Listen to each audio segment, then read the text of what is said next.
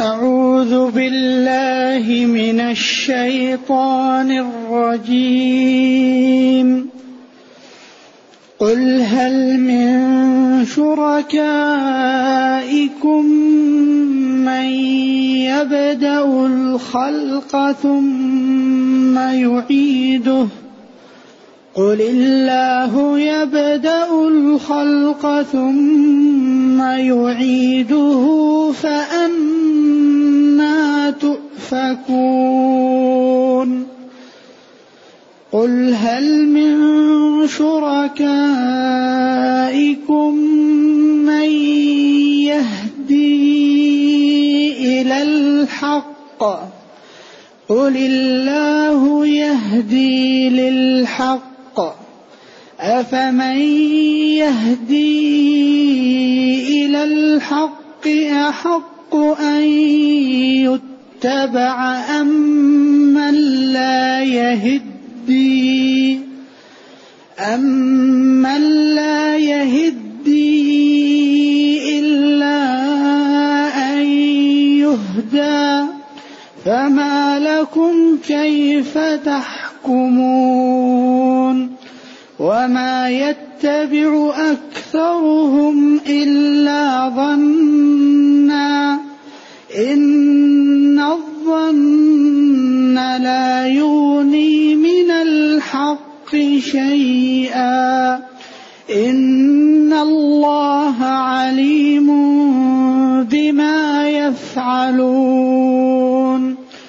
وما كان هذا القرآن أن يفترى من دون الله ولكن تصديق الذي بين يديه وتفصيل الكتاب وتفصيل الكتاب لا ريب فيه من رب العالمين أم يقولون افتراه؟ قل فأتوا بسورة مثله وادعوا من استطعتم وادعوا من استطعتم من دون الله إن كنتم صادقين الله عليكم الحمد لله الذي أنزل إلينا أشمل الكتاب وأرسل إلينا أفضل الرسل وجعلنا خير أمة أخرجت للناس فله الحمد وله الشكر على هذه النعم العظيمة والآلاء الجسيمة والصلاة والسلام على خير خلق الله وعلى آله وأصحابه ومن اهتدى بهداه. ما بعد فإن الله تعالى يوضح لخلقه عجز الخلق الذين يعبدون من دون الله. عن أن يقوموا بمصالح البشر أو أن يفعلوا لهم أي شيء مما يحتاجونه. نعم. قل لهم يا نبيي هل من شركائكم من يبدأ الخلق ثم يعيده؟ شركاء جمع شريك. يعني وهل للاستفهام؟ من بعضهم أو من جنسهم. من يستطيع أن يبدأ الخلق أن يخلق بداية؟ وإذا تركنا الخلق هل فيهم من يعيد؟ من يستطيع إذا مات أن يرده ويبعثه؟ طبعا حتما سيقولون لا. لأن الواقع أكبر دليل فإذا قال نعم يعني مشكل. طيب؟ لا طبعا الجواب لا لأنهم لا يستطيعون. قال الله يبدأ الخلق ثم يعيده. إذا الله هو اللي يفعل. الله يبدأ خلق الخلق من غير شيء. ثم بعد أن يموتوا ويرموا يحييهم. وأتى بالأدلة الكثيرة على هذا. ولذلك هذه لغز لمن لم يعش بين العلم أهل العلم يكون عنده مشكلة في البحث. الذي لا يعيش في بيئة علمية يكون عنده عنده عقدة في في البحث. سواء كان كافرا أو كان في بيئة جاهلة غير متعلمة. تجد يقول لك طيب أنا ما رأيت أحد مات وحي. كيف نقول؟ من أين من مات وحي؟ ذلك الله ضرب الأمثلة بيش؟ إحياء الأرض بعد موتها نعم. وخلق السماوات والأرض. وخلق الإنسان بداية. أحسن. إذا عندنا ثلاثة أمور واضحة. أول شيء يستمر ويعود ويتكرر وهو إذا نزل المطر وتكون الأرض مرة لا نبات فيها تهتز وتتحرك وترتفع وتنبت. فإذا هي أنبتت من كل زوج بهيج جميل. بعدين ذلك بأن الله هو الحق وأنه يحيي الموتى. ما الفرق بين إحياء الأرض وإحياء إحياء النبات وإحياء الإنسان؟ كل إحياء بعد موت. قال كذلك النشور كذلك تخرجون. ولما لم ينتبهوا وقالوا من يحيي العظام وهي رميم؟ أيوة رميم رمت أصبحت يعني كالفتات. قل يحييها الذي أنشأها أول مرة. فالأسس والبراهين القائم عليها عليها هذا الدين هي أسس قوية جدا. بس تحتاج منا إلى انتباه لها. لذا الآن كثير من الناس يدخل في الإسلام بفضل الله ثم بانتشار هذا الكتاب بين الناس. لأن هذا الكتاب إذا قرأه العاقل وسمع معانيه وكلماته ونظمه وما يدعو إليه وما ينهى عنه أيقن أن هذا لا يمكن أن يكون من مخلوق. أيوة لأن في نفس الكتاب ما به يوقن المنصف أن هذا يستحيل يكون من مخلوق.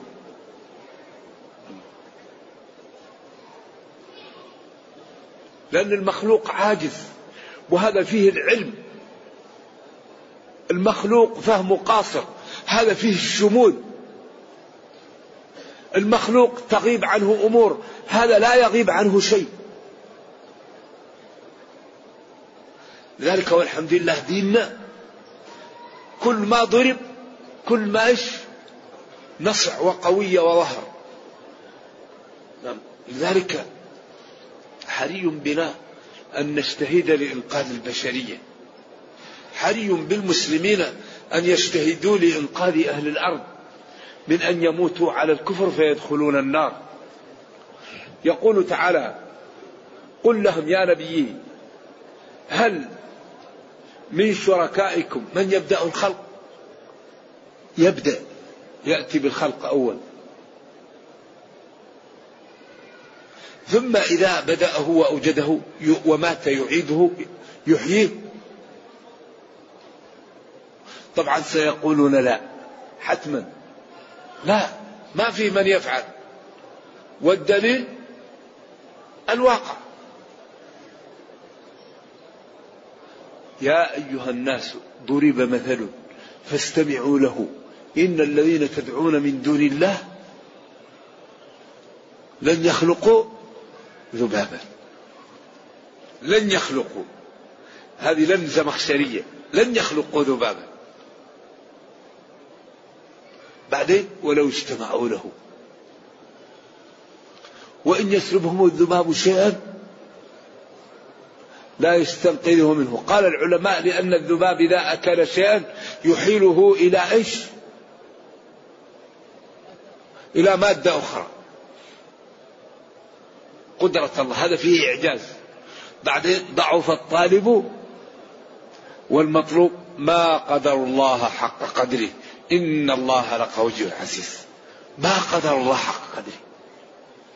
ذلك الذي يستحق أن يعبد هو من؟ هو من؟ من يخلق. الذي يعجز عن الخلق لا يستحق العبادة. بعدين قل الله. الله يبدأ الخلق. قل أئنكم لتكفرون بالذي خلق الأرض في يومين وتجعلون له أندادا. ذلك رب العالمين. وجعل فيها رواسي من فوقها وبارك فيها وقدر فيها أقواتها في أربعة أيام سواء للسائلين. ثم استوى إلى السماء وهي دخان. فقال لها وللأرض ائتيا طاعا وكرها قالت أتينا طائعين. فقضاهن سبع سماوات في يومين وأوحى في كل سماء أمرها. هذه القدرة هذا الذي ينبغي أن يعبد هذا الذي ينبغي أن تصرف له العبادة ويخشى ويدعى ويخلص له وتمتثل أوامره وتجتنب نواهيه. من هذه صفاته؟ يقول جل وعلا قل قل الله. قل لهم الله المعبود بحق. يبدأ الخلق على غير مثال سابق ثم يعيده. ثم نفخ فيه أخرى فإذا هم قيام ينظرون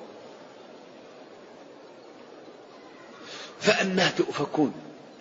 أين تصرفون؟ أين تذهبون؟ أين تقلبون؟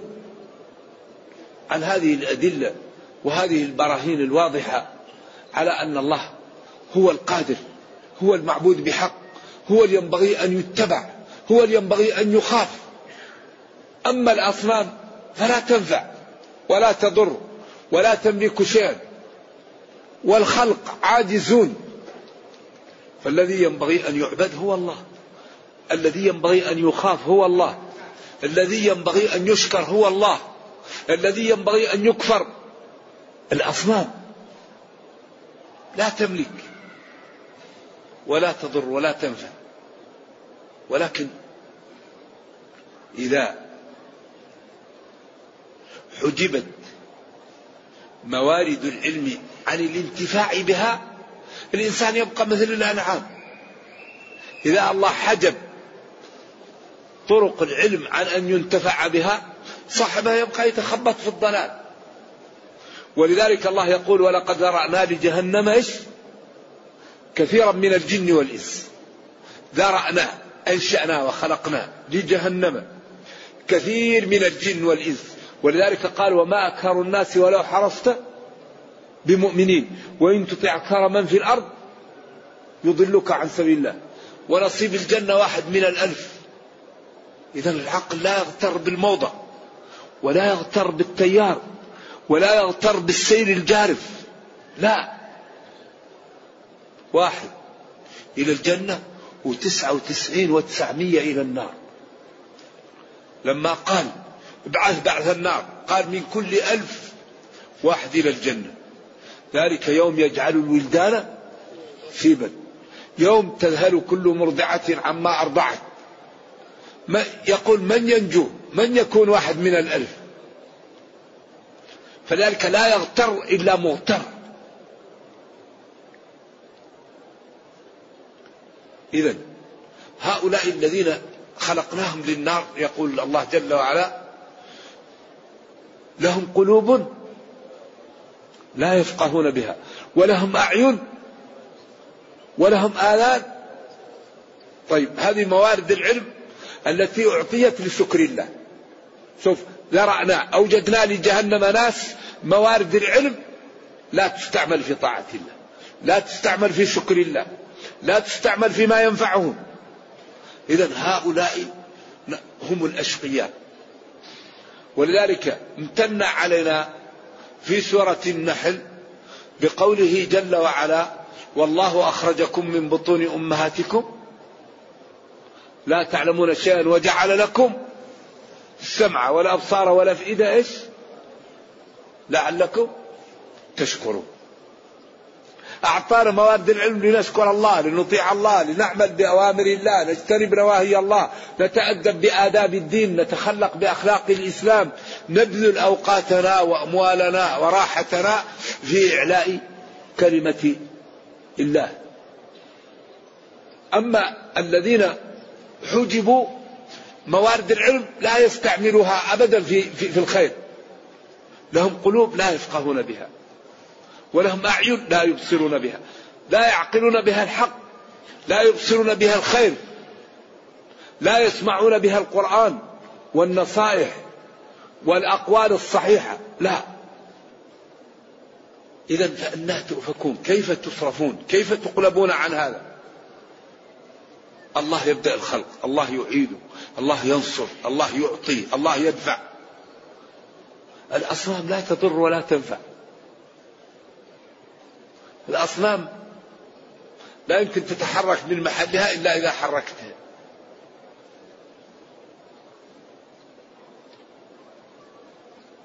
قال إن تدعوهم لا يسمعوا دعاءكم. ولو فرضنا أنهم سمعوا ما استجابوا لكم. ويوم القيامة يكفرون بشرككم إيش؟ ولا ينبئك مثل الخبير لا إله إلا الله. ما أبلغ هذا الكلام. رائع رائع. بيان عجيب.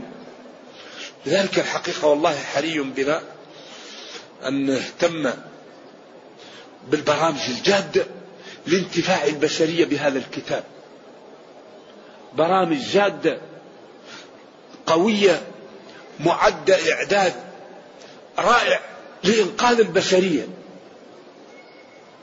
لأن كل شيء يضر الله بين لنا وحذرنا منه.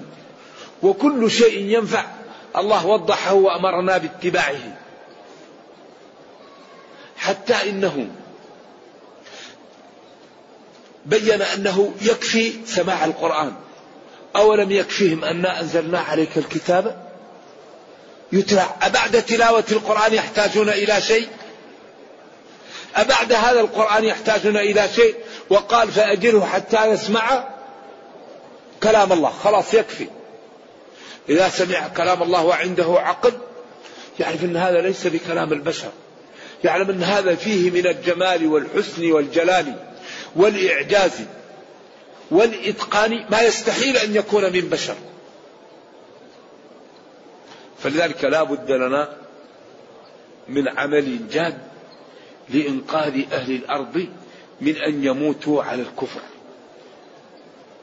يكون لنا برامج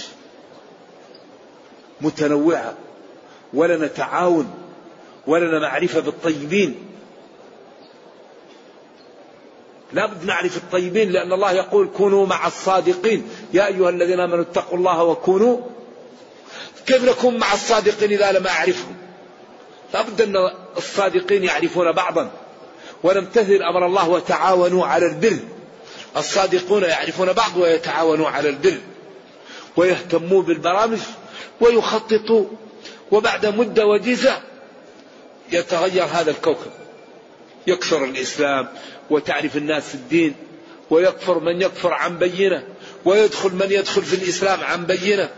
ونزيل الغبش والتشويه والدعاية السيئة. التي يقوم بها أعداء الدين ضد هذا الإسلام. لأننا إذا أظهرنا ما يدعو إليه هذا الإسلام وبيناه ووضحناه بلغات القوم وبأساليبهم وبأعرافهم التي يتخاطبون بها إذا بينا ذلك اتضح ما يخفى على كثير من الناس ودخل كثير من الناس في دين الله. أما يكون المسلمون كالجبل وكالسد الذي يحول بين الكفار وبين الإسلام؟ فهذه كارثة. أن يقف المسلمون سدا منيعا بين الكفار وبين فهم الإسلام فهذا أمر في غاية الخطورة.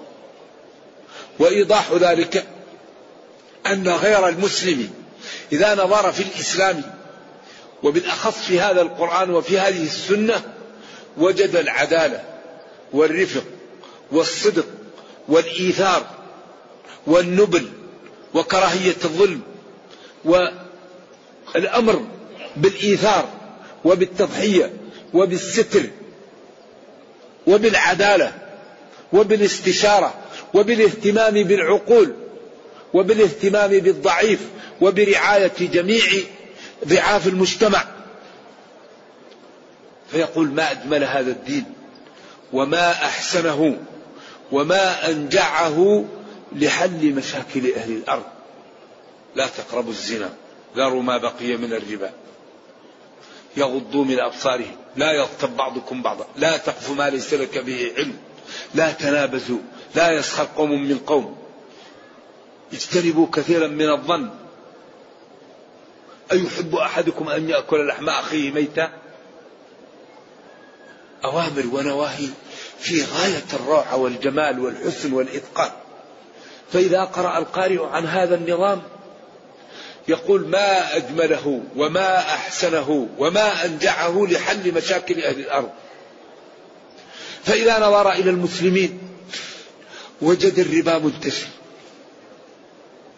الله يقول ذروا ما بقي من الربا.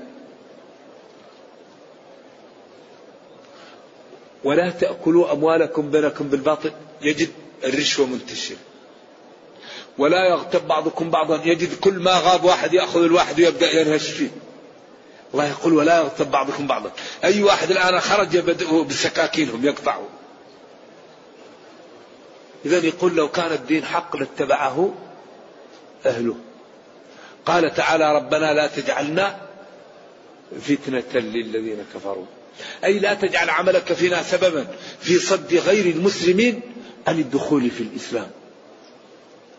إذا في هذا الوقت وفي هذا العصر أكثر شيء ينفع المسلمين ويجعلهم في المكان اللائق بهم القدوة الحسنة. القدوة الحسنة. كل واحد منا يجتهد لأن يكون قدوة حسنة أن يكون مسلما لا يكون كافر وأن يكون تقيا لا يكون فاجرا وأن يكون فاهما فلا يكون مغفلا. كل واحد منا يتصف بثلاث صفات مسلم ليس كافرا متقيا ليس فاجرا. فاهما ليس مغفلا. فإذا اتصف كل واحد منا بهذه الصفات الثلاثة أصبحنا قدوة للناس وأصبحت حياتنا تنتج للأمة ودخل الناس في دين الله أفواجا. الإسلام لا ينتشر إلا بالقدوة الحسنة. لا إكراه في الدين. الآية في العلماء فيها ثلاثة أقوال. أصح الأقوال أنها غير منسوخة. لا إكراه في الدين. الإسلام لا يكره أحدا على الدخول فيه لكن لا يسمح لأحد بالخروج منه. فقبل أن تدخل في الإسلام فكر. إذا دخلت في الإسلام الإسلام لا يسمح لك بالخروج. لكن لا يرغمك على أن تدخل فيه. لا. الإسلام يطالب من الخلق الإذعان لأنظمته. أما الذي لم يدخل في الإسلام الإسلام لا يكرهه لا إكراه في الدين. قد تبين الرشد من الغي.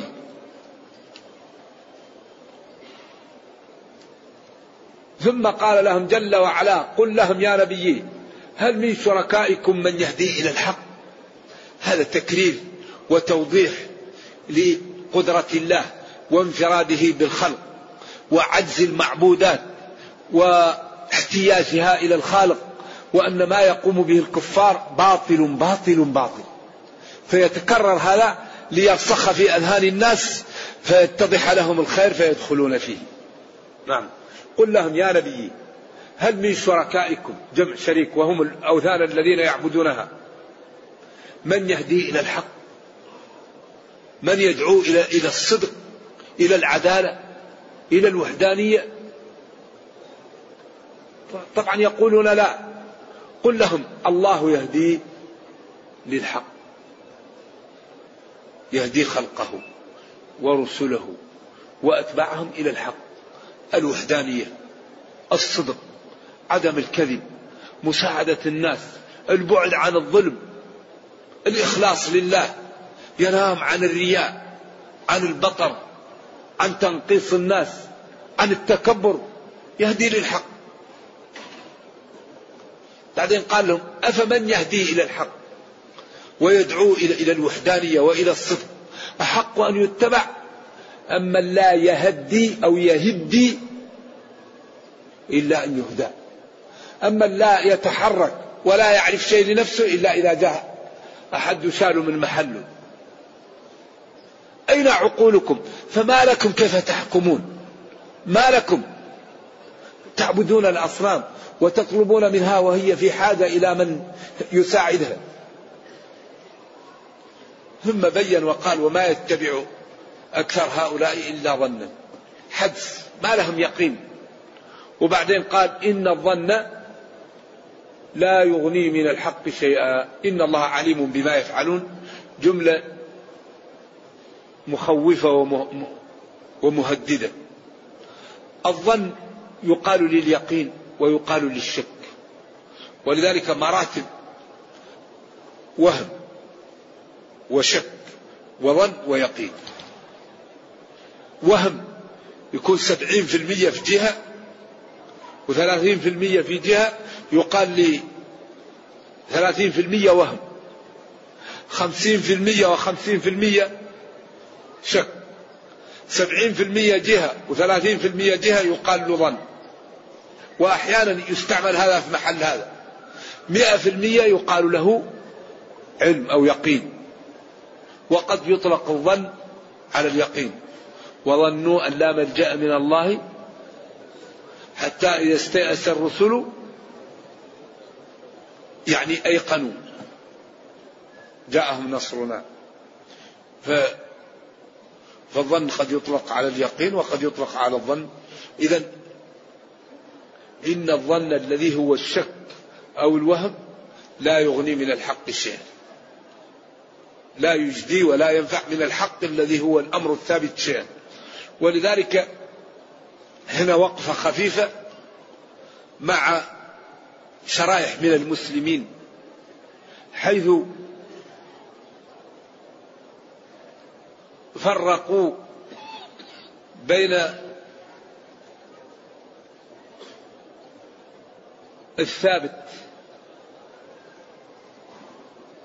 وجعلوا بعض المسائل لا تقبل إلا إذا ثبتت بطريق متواترة. وبعض المسائل إذا ثبتت بطريق الآحاد تقبل. وهذا أمر ثبوته في الشريعة محل نظر. لأن الشريعة يعمل بها بالثابت فقط. أما التواتر والشهرة هذا أمر زائد على الثبوت الشريعة لا تطالب به. ولذلك تفريق الأخبار بآحاد ومتواترة وجعل بعض المسائل لا بد فيها من التواتر هذا يحتاج إلى دليل. لماذا؟ لأن النبي صلى الله عليه وسلم كان يرسل للبلد الرجل الواحد. فيعلمهم التوحيد ويعلمهم القرآن ويعلمهم الصلاة ويعلمهم الزكاة وهو رجل واحد. فلو كانت الشهرة أو التواتر لازم لما أرسل إلى جهة رجلا واحدا ولثبت أنه يرسل إلى كل جهة مستفيضة حتى يكون التواتر أو الشهرة. ومسألة عقلية لا علاقة لها بالواقع. ولذلك الشريعة تكاد تكون كلها ثابتة بالظن. ولذلك إما لأن الآحاد التي ثبتت بها وكانت دلالتها نصية ثبتت بالآحاد. أو كان الدلالة قرآنية ثبتت بالظاهر وليس بالنص فتكون أيضا كالآحاد لأنها الدلالة غير نصية. واضح؟ إيضاح هذا أن الكلام إذا قيل لا يخلو من واحد من أربعة أقسام. إذا قيل لك أسلوب أو كلام لا يخلو من واحد من أربعة. إما أن يكون هذا الكلام لا يتحمل إلا معنى واحد. هذا يقال له النص ولا خلاف فيه. كقوله تعالى ثلاثة أيام في الحج وسبعة إذا رجعتم تلك ما في أحد يقول لك تسعة ولا 11 ولا 12 هذا يسمى نص ولا خلاف فيه. يقابل النص المجمل وهو ما تحمل معنيين أو معاني على السواء. مثلا يكون يتحمل معنيين أو معاني على السواء ولا بيان. فهذا لا يعمل حتى يأتي البيان. المجمل لا يعمل به حتى يأتي البيان. يقابل المجمل الظاهر. يتحمل معنيين وفي جهة قوي وفي جهة ضعيف. فالجهة القوية يقال لها الراجح ويجب العمل بها حتى يأتي ما يجعل الراجح مرجوح كقوله صلى الله عليه وسلم الجار أحق بصقبه. الجار ظاهر في من يكون بيته قريبا من بيتك. أليس هذا هو الظاهر من الجار لكن في قوله فإذا صرفت الحدود وجعلت الطرق فلا شفعة أصبح هذا البعيد قريب لهذه القرينة وأصبح المقصود الجار أحق بصقبه خصوص المشارك. إذا يجب العمل بالراجح إلا إذا جاء ما يجعل المرجوح راجحا كقوله صلى الله عليه وسلم الجار أحق بصقبه فإذا صرفت الطرق وجعلت الحدود فلا شفعة. فهذا جعل الجار هنا المقصود به المشارك. إذا أغلب نصوص الشريعة إما أحاديث حال. وهي ثبوتها ظني. وإما إذا كانت متواترة كالقرآن فدلالتها ظنية. ولأن النبي صلى الله عليه وسلم كان يرسل للأقاليم الرجل الواحد يعلمهم ولم يرسل لجهة مستفيضة ولا عشرة ولا عشرين حتى يقول الكلام متواتر. إذا الفرق بين الآحاد والمتواتر هذه قضية عقلية ولا علاقة لها بالتشريع. وإنما إذا ثبت الحكم يجب أن يعمل به سواء كان آحادا وسواء كان مشهورا أو عزيزا أو متواترا. لكن هذا يأتي لباب آخر وهو باب الترجيح.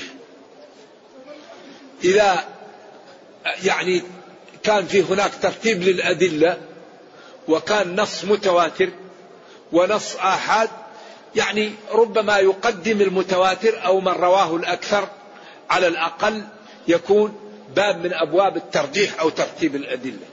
أما في الثبوت فالجميع يجب العمل به سواء ثبت آحادا أو متواترا أو عزيزا أو غريب. أهم شيء الثبوت.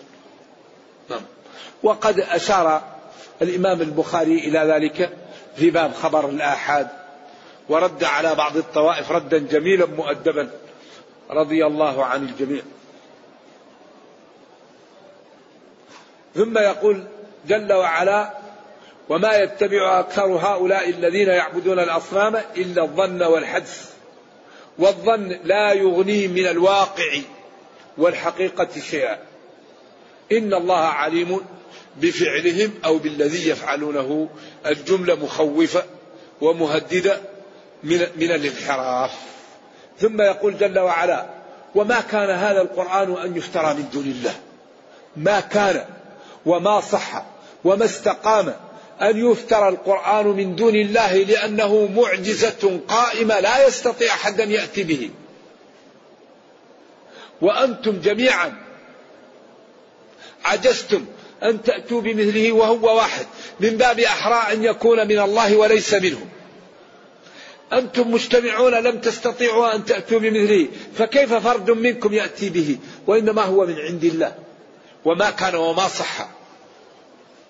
بل استحال أن يكون القرآن من دون الله أن يكون جاء به مخلوق أو اخترعه عبد من دون الله. ولكنه كتاب أنزل من عند الله معجز موافق ومصدق لما تقدمه من الكتب كالتوراة والإنجيل والزبور والألواح وغير ذلك من الكتب. فهو صدق وحق وموافق لما نزل قبله من الكتب. ولكنه موافق ومصدق للكتب الذي أنزلت قبله. ثم وتفصيل الكتاب لا ريب فيه من رب العالمين. تفصيل توضيح. الكتاب ما في اللوح المحفوظ لا ريب لا شك فيه أنه كائن من رب العالمين لأن كل ما نحتاج إليه موجود في هذا الكتاب. أتي بأي شيء تجده في هذا الكتاب. أي شيء يخطر ببالك. تحتاجه الأمة في دينها أو دنياها معجز. أي سؤال يعلق جوابه في هذا الكتاب. تبيانا لكل شيء. قال له هل في القرآن من جهل شيئا عاداه؟ قال له نعم. قال له أين هو؟ قال بل كذبوا بما لم يحيطوا بعلمه. قال هل فيه الاقتصاد؟ قال نعم. أحل الله البيع وحرم الربا. الذين إذا أنفقوا لم يسرفوا ولم يقتروا. هل فيه الطب؟ قال نعم. كلوا واشربوا. المعدة بيت الداء. بحسب امرئ من الأكل لقيمات فإن كان ولا بد. نعم أما الإنسان يأكل يأكل وهو غير مذبوح وغير مأكل يعني عجيب كل شيء موجود في هذا الكتاب. لا ريب فيه. إنه من رب العالمين وإنه معجز وخالق وكل ما نحتاج إليه. يعني من جمال الدين يأمرك بالإحسان إلى جميع الشرائع التي تخالطك. واعبدوا الله ولا تشركوا به شيئا. وبالوالدين إحسانا. وبذي القربى واليتامى.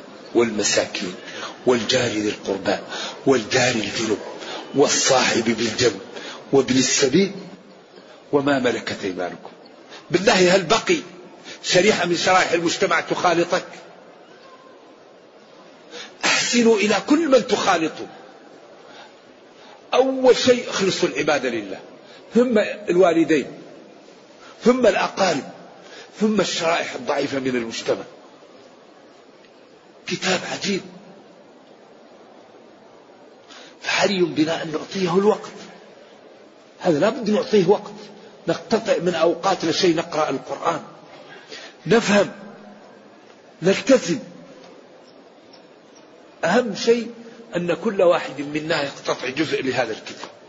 أمر ننفذ. نهي نتجنب. أخلاق نتخلق. آداب نتأدب. مواعظ نتعظ.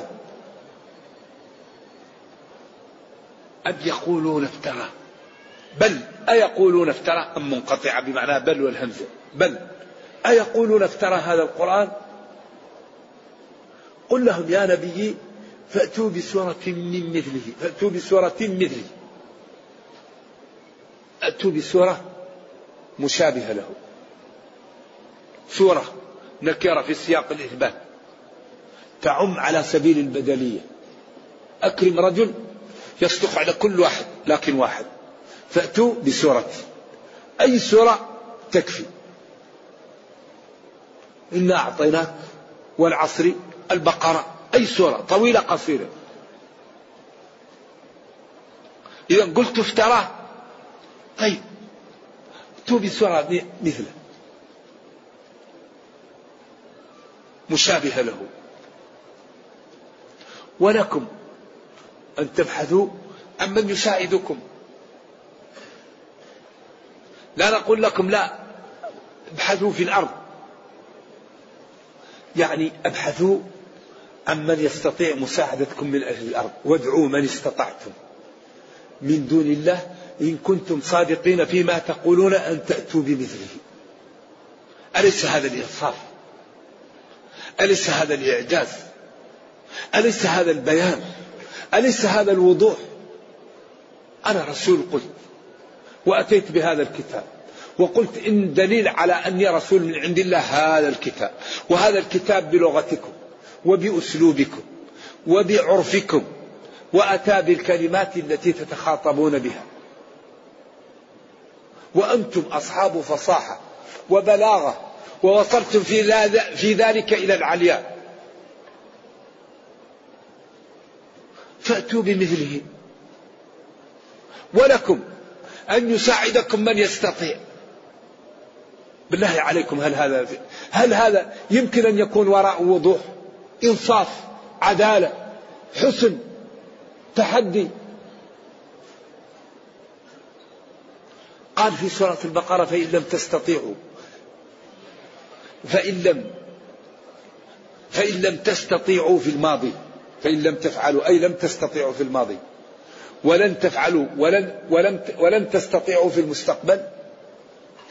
فهناك الخطر ماثل وقد أوعد المكذب به النار فاتقوا النار. إذا هذا تحدي سافر وحجج وبراهين ساطعة ينبغي للعاقل أن يتأملها ويبادر بالتوبة ويبتعد عن الكفر. والمعاصي لينجو بنفسه. أم يقولون افترى؟ كذب به فأتوا بسورة مثله. ما ما قال افترى ما افترى. كلام موجود أتوا بمثله. وادعوا من يساعدكم. ادعوا الذي يساعدكم. على وجه الأرض غير الله. فإن عجزتم فبادروا بالتوبة. قبل أن تموتوا على الكفر. والله إنه لكتاب عزيز.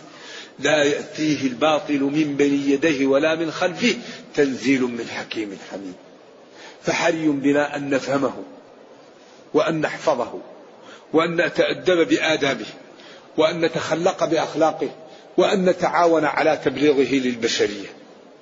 نتعاون على تبليغ هذا الكتاب للبشرية وأن نرجع إليه لحل مشاكل أهل الأرض.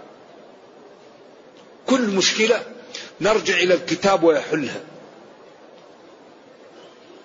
لذلك الله يقول تبيانا لكل شيء. ويقول ومن أصدق من الله قيلا. ويقول قوله الحق. وخاطب نبيه ممتنا عليه في سورة النعم. وقال له جل وعلا ونزلنا عليك الكتاب تبيانا لكل شيء. كيف تربي أبنائك؟ كيف تتعلم العلم؟ كيف تعامل والديك؟ كيف تسافر؟ كيف تمشي؟ كيف تبيع؟ كيف تتزوج؟ كيف يعني تنجو من النار؟ كيف تدخل الجنة؟ كيف تعامل الأعداء؟ كيف تكتسب الأصدقاء؟ كيف تتخلق بالأخلاق الطيبة وتتربى على الآداب الجميلة؟ كتاب لا يأتيه الباطل. نور وأنزلنا إليكم نورا مبينا. إذا فلا نهجر القرآن. نقرأه. إذا فلا نبتعد عن القرآن فنتدبره. إذا فلا ننسى القرآن فنذاكره. ونحن والحمد لله الآن يعني على مشارف شهر القرآن. فينبغي أن نجتهد وأن نستغل الوقت ونكثر من قراءة القرآن. وهذا الشهر الذي يأتي أنزل فيه القرآن وهو شهر القرآن فنكثر من قراءته وفهمه والعمل به. كما أنه ينبغي لنا أن نعرف ما يجب علينا في الصوم وما يحرم علينا ونلتزم حتى نأخذ الأجر. لأن كل الأعمال لأصحابها إلا الصوم لأنه سر بين العبد وبين الله. كل كل عمل ابن آدم له إلا الصوم. فإنه لي لأنه لا يعرف الصوم. سر بين العبد وبين الله. فينبغي الحقيقة أن ونبتعد عن الكلام الذي لا ينبغي والمفطرات الحسية والمعنوية. ونبيت الصيام من الليل.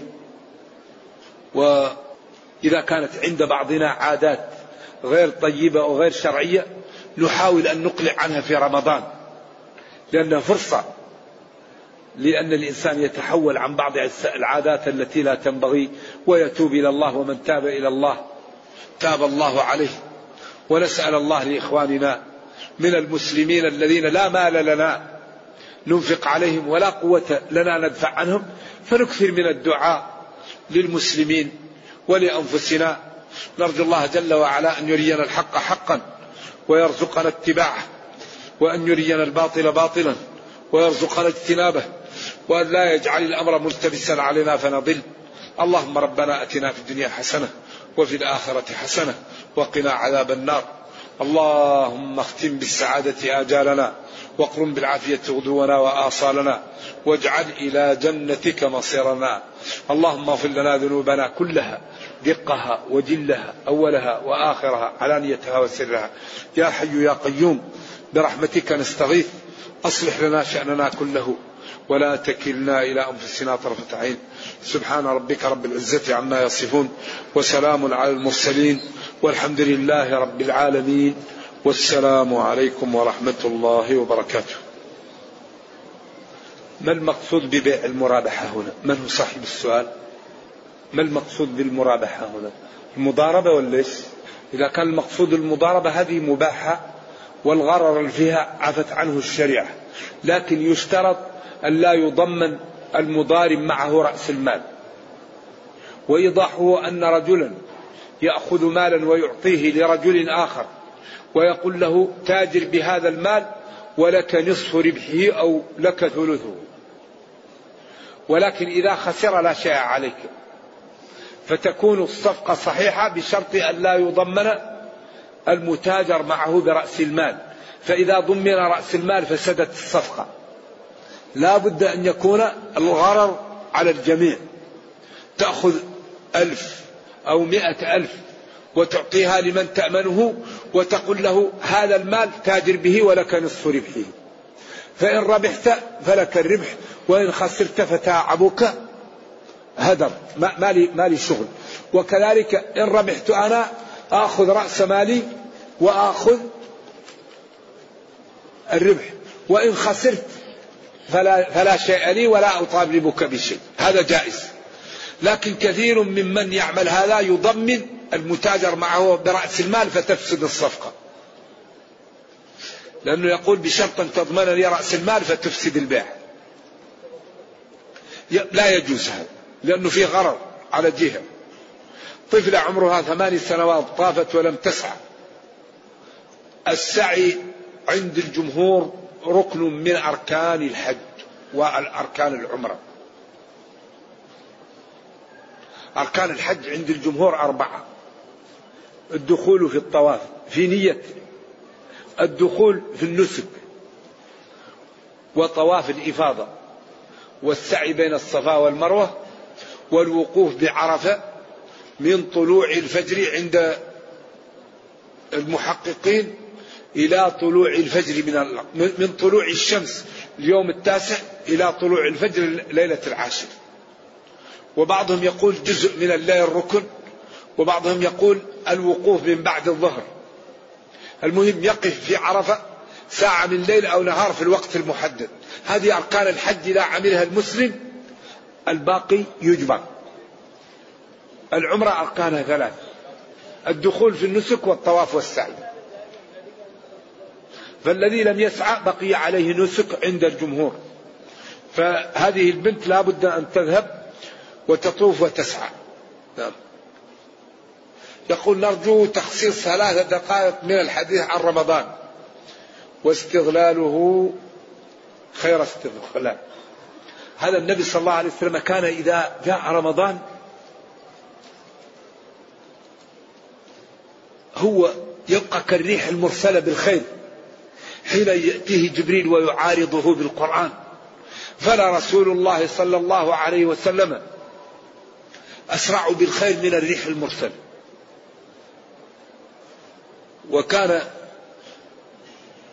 إذا جاء يعارضه جبريل في رمضان وفي السنة الأخيرة عارضه مرتين. وهذا شهر الخير فينبغي للمسلم أن يكثر من الخير في كل وقت ولكن في رمضان يزيد لأن هذا تصفد فيه الشياطين وتفتح فيه أبواب الجنة. ويا باغي الخير أقبل ويا باغي الشر أدبر. فالواحد الحقيقة يجتهد وربنا كريم كريم ولا يضيع أجر من أحسن عملا. وأهم شيء تبييت النية لا صيام لمن لم يبيت الصيام من الليل.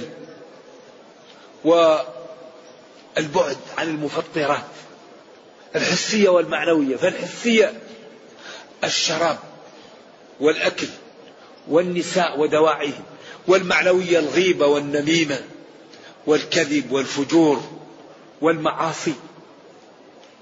يبتعد عن المفطرات الحسية والمعنوية. ويهتم بالمبادرة بالإفطار وتأخير السحور. ولا ولا يأكل بعد الأذان. الثاني هذا مرجوح. كان بين سحوره وبين الأذان ما يقرأ القارئ خمسين آية. فالأكل والشرب بعد الأذان الثاني أقل ما يقال فيه إنه خلاف الأولى. ما ينبغي. هذا منسوخ أو المقصود به قرب السحور من الأذان. لأن الله يقول ثم أتم الصيام إلى الليل. كلوا واشربوا حتى يتبين لكم الخيط الأبيض ثم أتم الصيام إلى الليل. و كما ذكرت يتوب إلى الله ويرد الموالم وإذا كان بينه وبين بعد أقرباء أو قطيعة أو شيء يصلح ويستقبل الشهر بالخير وبالتوبة. وإذا كانت عنده عادات سيئة يتركها. وربك كريم ولا يضيع أجر من أحسن عملا. نرجو الله تعالى أن يسلم لنا شعبان ويجعلنا نصوم رمضان وندركه ونكون من القائمين الصائمين له جميعا. يقول ما حكم صلاة تحية المسجد قبل دخول بعد قبل المغرب؟ هذا فيه عموم وخصوص من وجه. لأن الصلاة بعد العصر منهي عنه. والجلوس في المسجد للداخل من غير صلاة منهي عنه. فتعارض نهيان. فالجمهور قالوا نقدم النهي ونجلس. والشافعي قال ذوات الأسباب خارجة عن النهي. والكل من القولين صحيح ولا غبار عليه. فمن جاء بعد العصر للمسجد إن أراد أن يصلي فله ذلك وإن أراد أن يجلس فله ذلك وإن رجح الصلاة فله سلف من الأمة وإن رجح الجلوس فله سلف من الأمة. والكل من القولين صحيح وله أدلة. مالك وأحمد في المشهور عنه وأبو حنيفة قالوا ما نهيتكم عنه فاجتنبوه والنهي هنا مقدم على الأمر إذا يجلس. الشافعي قال ذوات الأسباب خارجة عن النهي واستدل بدليلين. الدليل الأول يا بني هاشم لا تمنعوا أحدا طاف في هذا المسجد أن يصلي ساعة من ليل أو نهار. وهذا يدخل فيه بعد العصر وبعد الفجر قبل طلوع الشمس. والرجل الذي صلى الفجر ثم صلى ركعتين فقال له آه الصبح أربعة قال له عاجلتني الفريضة قبل أن نصلي ركعتي الفجر فصليتهما بعد الصلاة فأقره على ذلك. والحديث في سنن أبي داود وهو صالح. إذا هذا عليه دليل. والنبي صلى الله عليه وسلم قال لا صلاة بعد العصر حتى تغرب الشمس ولا صلاة بعد الفجر حتى ترتفع الشمس قيد رمح. قيد رمح تقريبا ربع ساعة أو 12 دقيقة. بعد طلوع الشمس عشر دقائق أو ربع ساعة بالكثير. بعدين تصلي. هذا له دليل وهذا له دليل وهذا صحيح وهذا صحيح. والجنة أبوابها ثمانية وادخل من أي باب وارفق بالمخالف. حفظت شيئا وغابت عنك أشياء. نعم. وهذه الشريعة وهذا الدين. هذا قول الإمام أحمد والإمام مالك والإمام أبو حنيفة وهذا قول الإمام الشافعي. وهذا استدل بنصوص وهذا استدل بنصوص. فأنت اختر ما يحلو لك يا أخي وارفق بالمخالف. كون شيء يترجح عندي أو يترجح عندك ذلك لي ولك. لكن لا تلزم الناس بما ترى. الزم الناس بيش بالنصوص. ما دام هذا عنده نص وهذا عنده نص الأمر سهل. ما حكم حجز الأماكن لحضور الدرس؟ لا ينبغي حجز الأماكن. ينبغي لمن يأتي يجلس ومن لم يأتي لا يحجز محل. الحرم للجميع.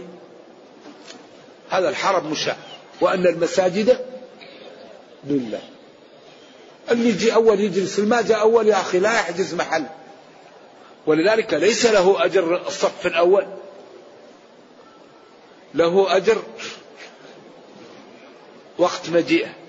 يمكن واحد جاء وصلى آخر شيء والثاني حجز هذا الذي جاء أول وما حب المشاكل هذا يأخذ الأجر أكثر منه. لذلك الدين بالاتباع. الاتباع. الذي يحجز محل لا والذي يأتي يوم الجمعة متأخر ويأذي الناس هذا ما, ما له الأجر.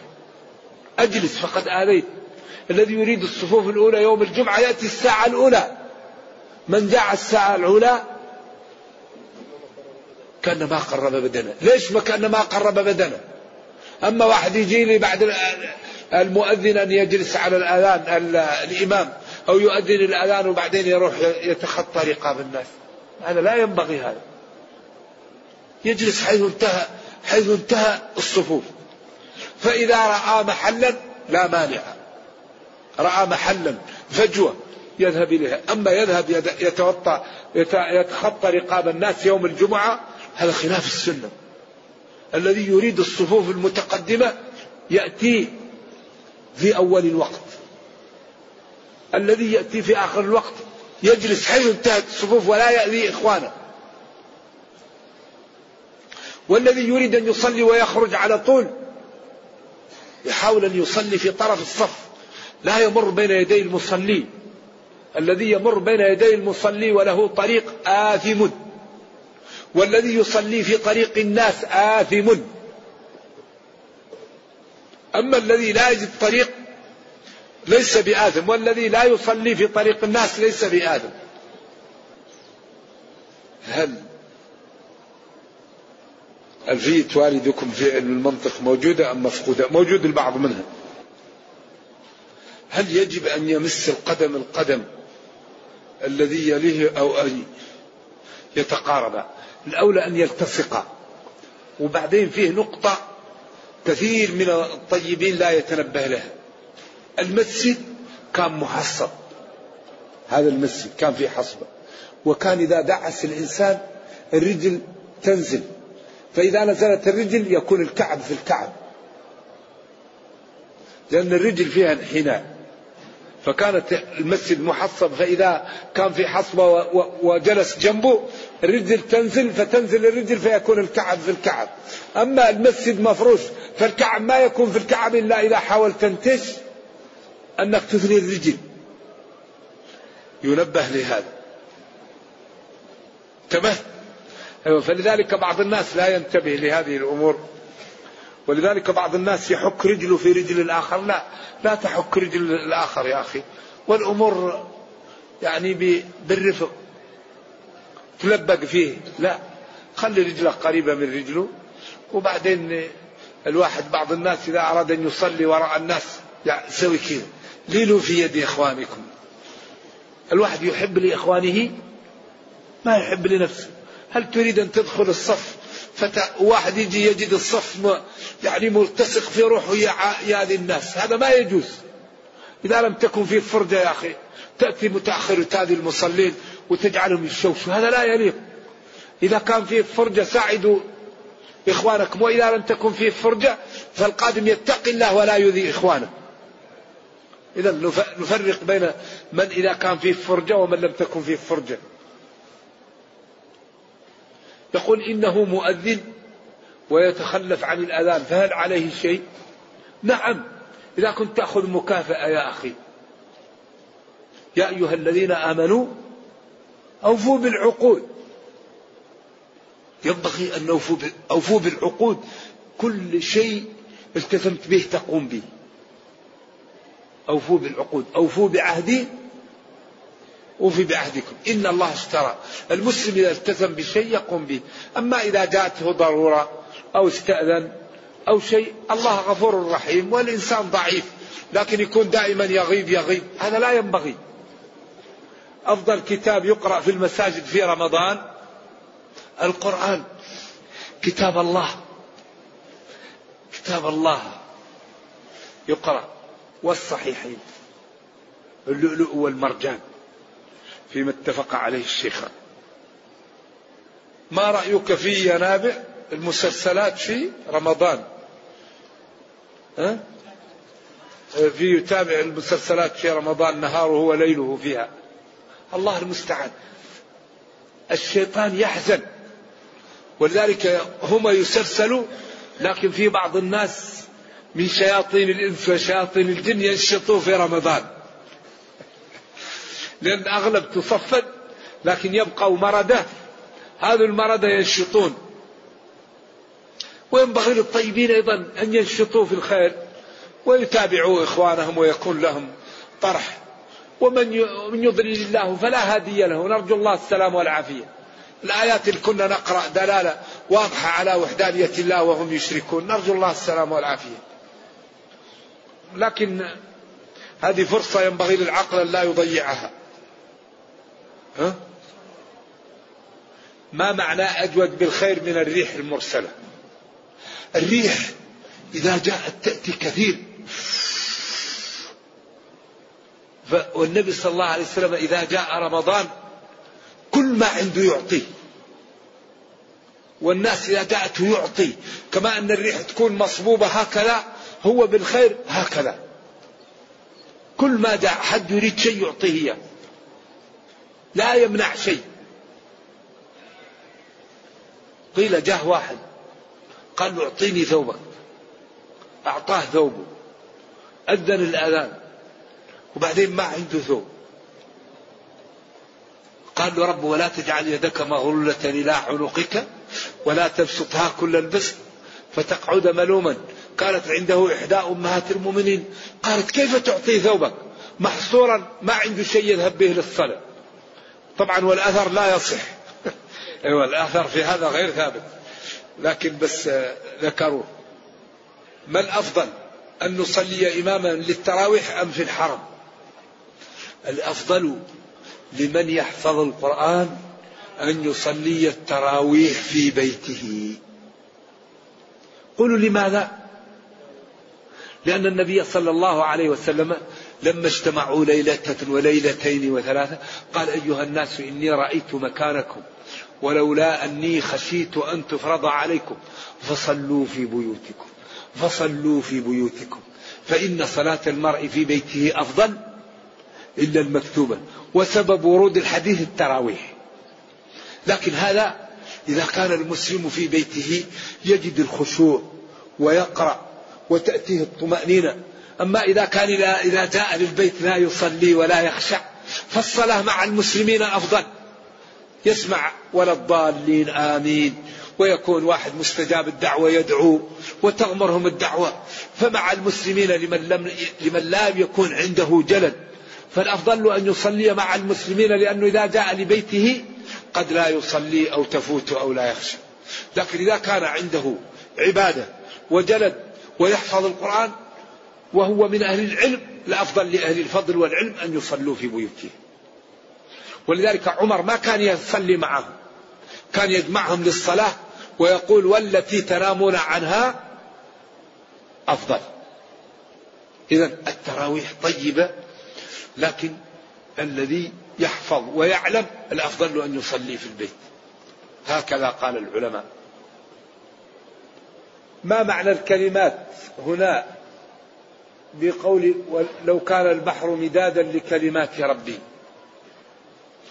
هذا بيان لشمول علم الله وإحاطته وأنه لا ينبغي أن يعصى ولا ينبغي أن يقاس بخلقه.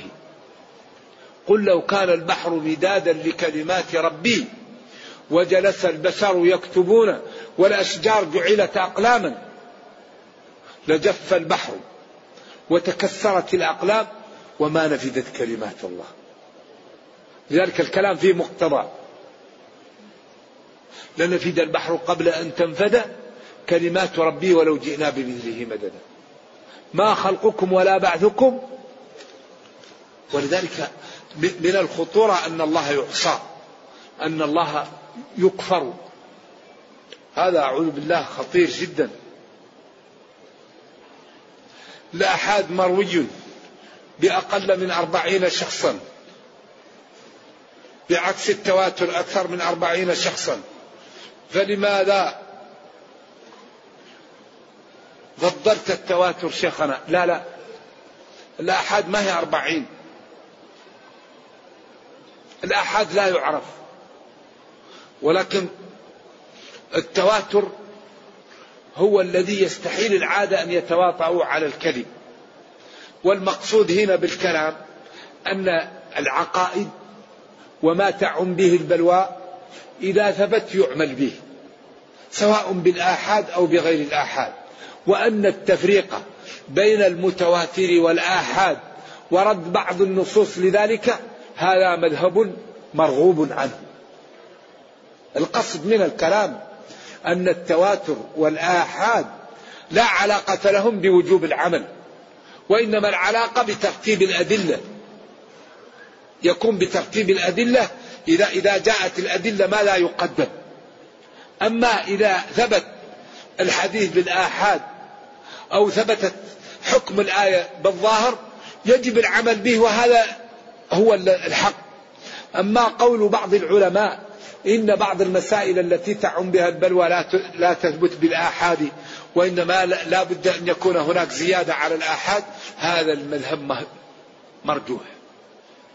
ومن أراد الاستزادة فليرجع إلى كتاب البخاري باب خبر الآحاد ويرجع إلى المحققين من الأصوليين في خبر الآحاد وخبر الآحاد مظنون عراء عن القيود في الذي تواتر.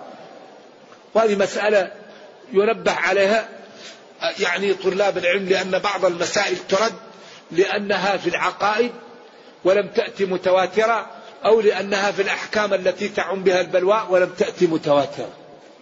وقلنا إن النبي صلى الله عليه وسلم أرسل معاذ إلى اليمن وقال له إنك تأتي قوما أهل كتاب فليكن أول ما تدعوهم إليه شهد ثم فعل ثم فعل. وأرسل إلى المدينة مصعب مصعب بن عمير.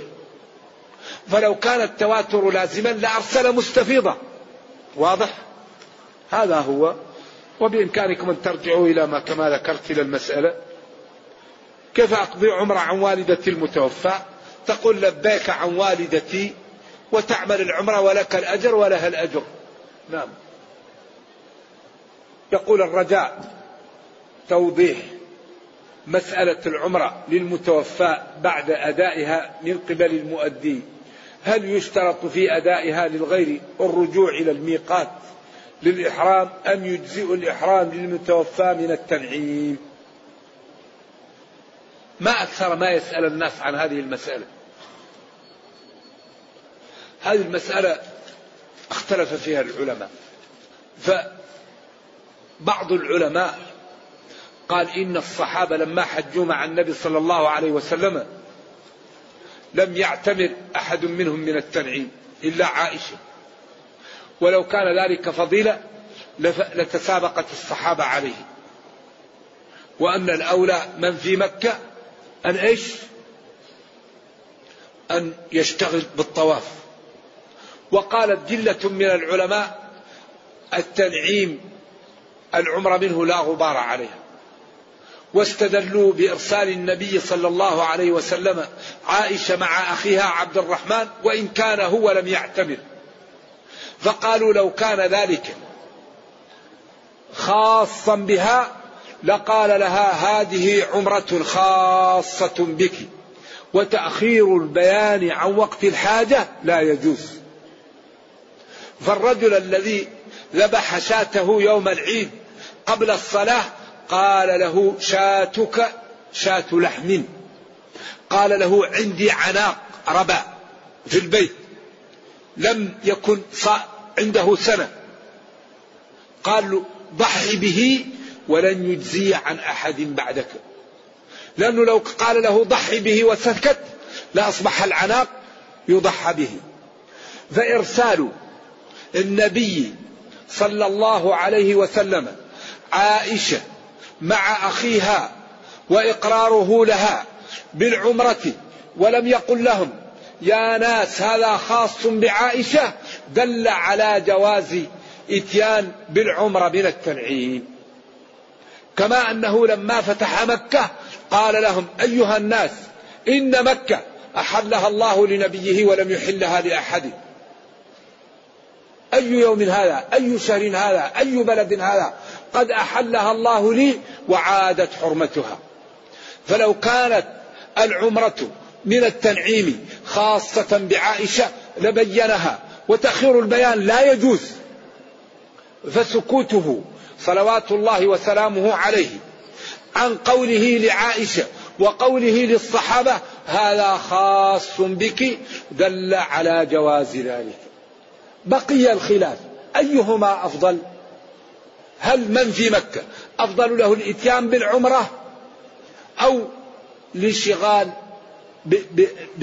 بالطواف وعدم الخروج هذا هو محل الخلاف. الخلاف لمن في مكة؟ هل الأفضل له أن يشتغل بالعمرة أو أن يشتغل بالطواف ولا يخرج من مكة؟ لأن العمرة أغلب ما فيها الطواف والسعي لا, لا, لا تطوع فيه. وهو موجود في مكة فبدل من أن يخرج من مكة ليأتي بعمرة يشتغل بالطواف. ينبغي أن يكون الخلاف في أيهما أفضل. أما الجواز فتعدى القنطرة. واضح؟ ومما يزيد ذلك إيضاحا ما ذكره الشيخ ناصر الدين في أرواء الغليل من أن بعض الصحابة كانوا بعض السلف كانوا يسألون عن كيف يكون التقصير لمن أتى بعمرة بعد الصدر. يأتي بعمرة بعد الصدر أي بعد طواف الوداع من الحج. فقالوا له أمرر الموسى على رأسك. كان بعض السلف بعد الصدر أي بعد طواف الوداع يأتي بعمر. وهذا يدل على أنه أتى بها وهو في مكة وأنه ذهب إلى الحلم فيقول أمرر الموسى على رأسك. إذا إرسال النبي صلى الله عليه وسلم. ولو كان الصحابة ألف ولم يعتمروا. ما قال أحد أن العمرة من التنعيم واجبة ولا أنها سنة. وترك الجائز لا غبار عليه. يعني الصحابة على كثرتهم لم يعتمروا من التنعيم. يكفي في بيان الجواز عائشة وعدم قوله لها هذا خاص بك. وعدم فعل الجواز لا يضر. ما قال أحد أن العمرة من التنعيم سنة ولا أنها واجبة.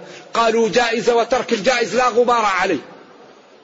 إذا إذا قال بعض الناس الصحابة كثر وحريصون على الخير فلم لم يعتمروا من التنعيم؟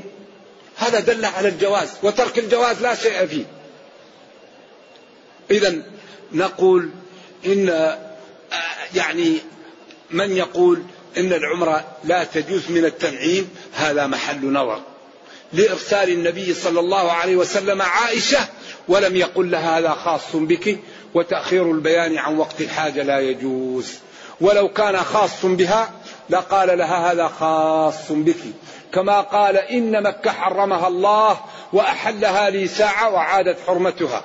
وقال للذي ضحى قبل الصلاة شاتك شات لحم وقال للذي قال له عندي عناق ضحي به ولن يجزي عنك. ولما زوج الله له زينب قال له خالصة لك من دون المؤمنين. وتأخير البيان عن وقت الحاجة لا يجوز ولا يفهم. لا بد أن يبين والبيان لازم. وأرسلها مع أخيها وأتت بعمرة ولم يقل لها هذا خاص بك. فكيف نقول هذا خاص؟ من أين نأتي بالخصوصية؟ وهو مرسول للب... لتبين للناس. ألا هل بلغت ألا هل بلغت اللهم فاشهد. لتأخذوا عني مناسككم. وقفتها هنا وعرف كلها موقف. وارتفعوا عن بطن عرنة. وقفتها هنا ومنا كلها منحرة. وارتفعوا عن محسر في في مزدلفة. وبعدين كان عمر يبعد الناس عن جمرة العقبة. قال لا لا حرج لا حرج. نحرت فعلت لا حرج. بين لهم. فكل شيء بالبيان. لا المرور بين يدي المصلي في المسجد الحرام معفو عنه. لكن الأولى إذا, إذا وجد طريق لا يمر لكن لأن الناس تطوف وفيه صعوبة. الأمر الثاني يقول هل يجوز أكثر من صلاة ثلاثة ركعة؟ يجوز. صلاة الليل مثنى فإذا خاف الفجر يوتر. لكن الأفضل أن الإنسان يصلي إحدى عشرة ركعة. أربعا طويلة وأربعا طويلة ويوتر بثلاث. أما الذي يصلي ألف ركعة مئتي ركعة صلاة الليل مثنى مثنى له ذلك. يريد أن يطول يقصر. هذا له هو. لكن الأفضل الأخذ بالسنة. هذا الأفضل. نعم.